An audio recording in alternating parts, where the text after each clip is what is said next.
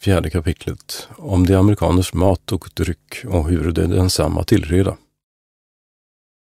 Vad deras mat och dryck vidkommer, så är skogen, marken och floderna deras spiskamrar. Ty de äta allehanda slags djur, fåglar, fiskar och frukter, som det där på orten finnes. Ja, nästan allt som lever på jorden. Djuren och fåglarna skjuta de med pil och båga. Fiskarna fångar de på samma sätt, ty när vattnet är högt går fiskarna upp i de små kilar som röpa ifrån reviret, vilkas ingång det då igentäppa, och när ebbeflod är utlupen är vattnet grunt, så att de kunna skjuta pilarna i fiskarna, dragandes dem således upp.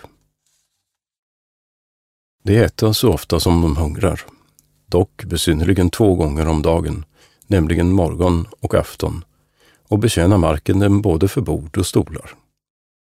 Kött och fisk plägade dels steka, dels torka i solsken eller rök, och således äta.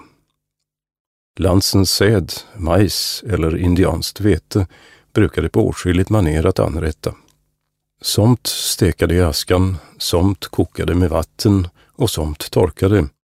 Stötandes eller knuggandes det sedan smått sönder på en sten som är något bred och vid med en annan trint sten eller ut i en tjock avhuggen trästubbe.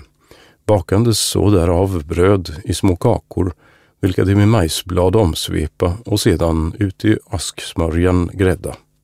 På sådant sätt till att mala och grädda bröd hava det jämväl det svenska måst behjälpa sig med när det först kommer dit till landet. Det kunna och, när nöden så fordrar i några dagar bortåt, fasta och hålla sig utan mat. Såsom när det är på resor eller när de lägger sig i försåt för sina fiender.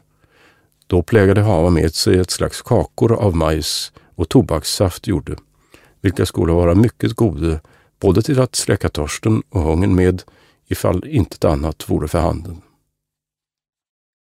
Dessa skola och vid det svenskas första ankomst brukat äta människokött, så att när det bekommer någon tillfångad utav sina fiender, havade stekt och ätit dem upp, vilket nogsamt av detta skönjas kan.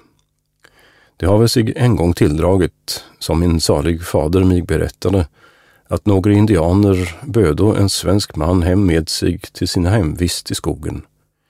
Varest när han kom fägnade de honom efter sitt sätt på det bästa de kunde, bjudandes honom att få mat med sig, vilka Nok gjorde. Då var deras traktamenter förnämligast stekt kött och en rätt som var småhackad, lika som sylta eller plockfink.